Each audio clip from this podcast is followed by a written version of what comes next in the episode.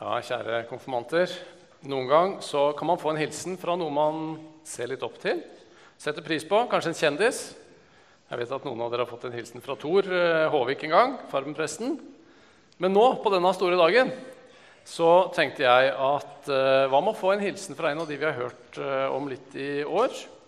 En som vet hva det er å leve i et samfunn som ikke bare heier på de kristne, men som noen gang ønsker de kristne dit ikke engang pepperen gror. En som vet at eh, ja, det er ikke bare enkelt å leve i en sånn verden. Det hadde vært veldig relevant for hvordan vi har det i dag, eller i hvert fall kan komme til å få det noen ganger i løpet av livet. Og han kunne av ymse årsaker ikke sende en videohilsen. Men han skrev ned en hilsen til dere. Han brukte også denne hilsen det skal sies, til noen andre ungdommer og voksne. En plass som heter Efesus, for en stund siden. Men det er ikke gått ut på dato av den grunn. Det er til dere også, og til egentlig alle oss som sitter her. La oss høre hva Paulus skriver når han sitter i fengsel, og så tenker han på vennene sine, de andre som tror på Jesus, og som vil leve livet med han. Hva er det Paulus vil hilse dere med, kjære konfirmanter? Han bøyer sine knær, og så ber han en bønn for dere. Og Det er det vi skal være sammen om i dag. Vi skal lese fra Efeserbrevet, kapittel 3, og vi kan reise oss mens vi gjør det. Dette er ord til deg.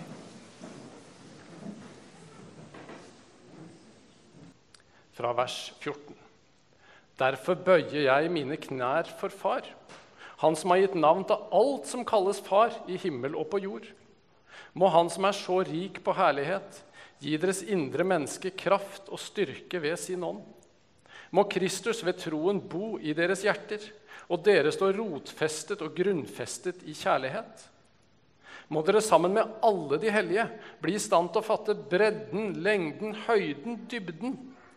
Ja, kjenne Kristi kjærlighet som overgår all kunnskap må dere bli fylt av hele Guds fylde. Han som virker i oss med sin kraft og kan gjøre uendelig mye mer enn det vi ber om og forstår. Ham være ære i Kirken og i Kristus Jesus gjennom alle slekter og evigheter. Amen.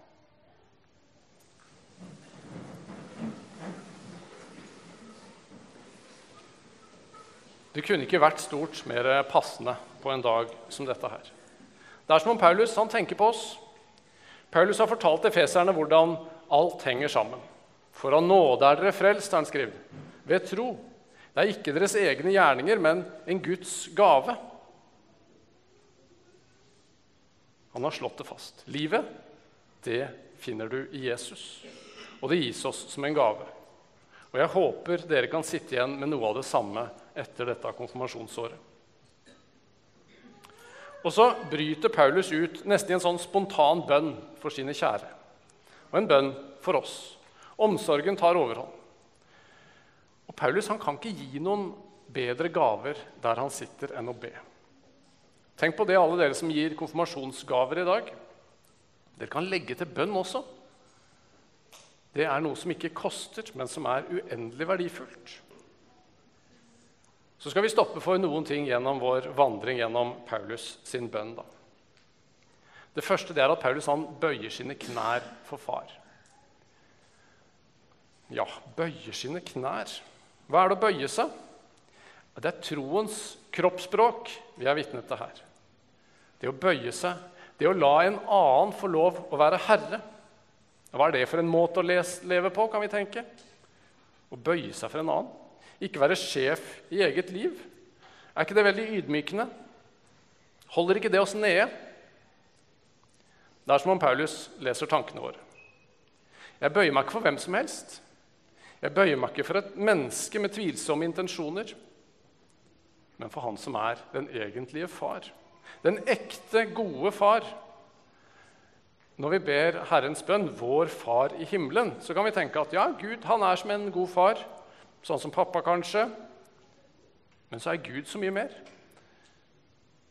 Ethvert farsforhold det har sitt forbilde i Gud. Og enhver god mor like fullt. Selv en veldig, veldig, veldig god og kjærlig forelder som du kanskje har, er bare et, en blek skygge av Guds kjærlighet til oss. Så å legge livet sitt under Guds vinger, Det er det tryggeste og beste stedet å være. Vi er som kyllinger som kryper under vingene til hønemor. Ja, Bibelen sjøl bruker det bildet. Det er ikke farlig å bøye seg og gi fra seg kontrollen når vi bøyer oss for Gud, som vil oss alt godt. Det er et trygt sted det, å leve livet. Vi mister ikke oss sjøl. Tvert imot, vi finner vårt virkelige selv. Den som Gud har skapt oss til å være. Når vi bøyer oss for Gud, så blir vi oppreiste mennesker. Tilgitt og fri, fri til å følge Jesus. I konfirmasjonshandlingen etterpå så skal du nettopp få lov til å bøye kne, sånn som Paulus gjorde. Og med hele din kropp vise Jesus, du er Herre. Gud, du er min far. Jeg vil leve hos deg, bære din hellige ånd. La meg lede av deg. Jeg blir værende i den pakten som du laga med meg i dåpen, hvor du øste dine gaver utover meg og ba meg om å åpne hendene, ta imot og leve i det. Og så ber Paulus videre. Det rare er at Guds kraft den syns ikke alltid på utsida i form av sterk sjøltillit eller store muskler. Paulus han prater at det er i hans svakhet han blir sterk. For da får Gud stor plass. Han hadde jo saktens vært sterk og populær, Paulus, når han eh, forfulgte de kristne i sitt tidligere liv. Men når han møtte Jesus, så blei ting snudd helt på huet. Han var ikke noen populær mann lenger. Han opplevde det stikk motsatte. Han ble forfulgt. Men i troen på Jesus så er vi kobla på selve universets skaper, frelser. Og midt i vår motgang og svakhet så gir han oss styrke. Paulus han kjenner sjøl på det der han sitter i fengselet nå og skriver dette brevet. Ytre sett så ser det smått og vanskelig ut. Men inni seg så uttrykker Paulus en enorm fred, en indre fred og en kraft, for han er på lag med Jesus. Så er det det Paulus er opptatt av videre. Det er troen på Jesus som er grunnlaget.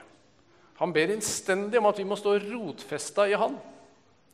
Ja, hva skjer med et tre uten røtter når vinden kommer? Det blåser rett over ende. Vi ser det hver gang høststormene kommer. Og kanskje det har hogd hogd litt eh, trær et sted, sånn at et tre som sto midt inni skogen, det kommer nå ut i åpent terreng. Vinden kommer, så blåser over ende. Det må være skikkelig røtter, og det er viktig for Paulus. Røttene de må festes i Jesus. Det han har gjort, i hans kjærlighet. For det svikter ikke. Det holder i den sterkeste storm, det. Og i mitt strev så kommer jeg til kort og faller. Men i Jesu kjærlighet så blir vi stående. Grunnfestet og rotfestet, står det. Og så er Paulus klar over dette her, at vi kan nok, vi kan nok eie store ting i Jesus. Oi, der hoppa vi litt langt. Ja, jeg kan stå der igjen. Men både for ungdommer og voksne så er det vanskelig å fatte det. Det er vanskelig å Tro det, stole på det, leve i det i hverdagen. Og når skal vi egentlig få tid til å tenke på det med venner, lekser, sosiale medier, jobb? Det er travelt fra morgen til kveld for både ungdom og voksne. Men dette er viktig. Se hvordan Paulus ber om at du må få oppdage det. Oppdage, se hvilken skatt du har i Jesus. På siste konfirmasjonssamling så, så vi en video. Det var det dere så et raskt bilde der. Skal vi se om vi kan få det opp igjen. Han må hjelpe Toralf. Ehm, det var en tigger i Londons gater. Hun levde med alle sine plastposer i sin fattigdom. Sinne, elendighet. Hun var ikke spesielt hyggelig mot de som var rundt seg. Men så kom begravelsen til slutt. Og så blei det klart for alle som var der, alle som var rundt. Hun hadde fått en kjempearv. Hun var søkk rik.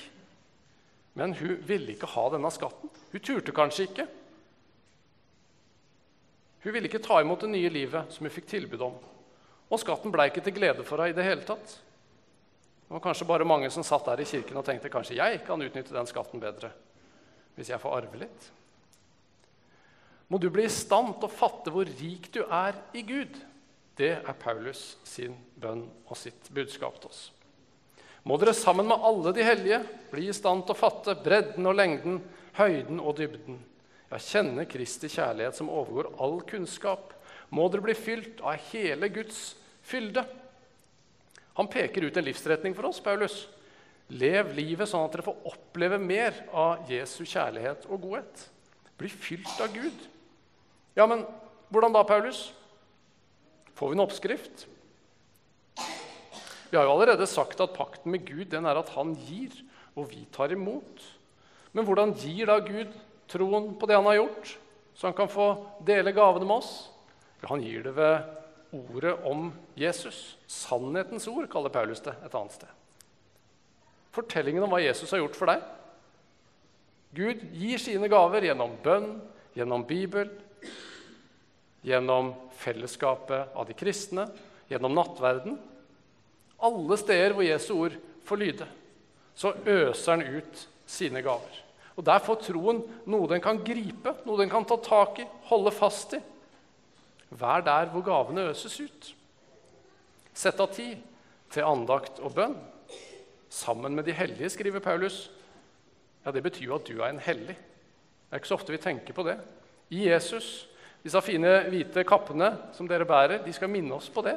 I Jesus er vi hellige, og det er alle som tror. Sammen med de hellige. Der blir du bedre kjent med høyden og bredden og dybden og alt sammen. Der er du kobla på sjølve livskilden. Der blir du bevart i tro. For det vil komme tider i deres liv hvor det blir vanskeligere å se meninga med livet. Kanskje lurer du på hvor veien går, hva du skal velge, hvorfor du møter så mye motstand, hvorfor ikke du får kjæresten du drømmer om. Men Guds vilje for deg, den ligger fast. At både medgang og motgang, prøvelser i dype daler og suksesser på høye fjell, alt skal føre deg til Gud, din far. I takk, i klage, i bønn og i rop så han kan forfylle deg med sin uendelige kraft og lede deg etter sin gode vilje. Legg ditt liv i Herrens hånd, så griper han inn. Salme 37, 37,5. Og det er et liv til ære for Gud og til evig glede og fred og frihet for deg sjøl. Så skal vi avslutte nå med Paulus sine siste ord, hvis vi kommer videre til den der. Det får være våre siste ord også i denne preken. Han som virker i oss med sin kraft, kan gjøre uendelig mye mer enn det vi ber om og forstår. Ham være ære i Kirken og i Kristus Jesus gjennom alle slekter og evigheter. Amen.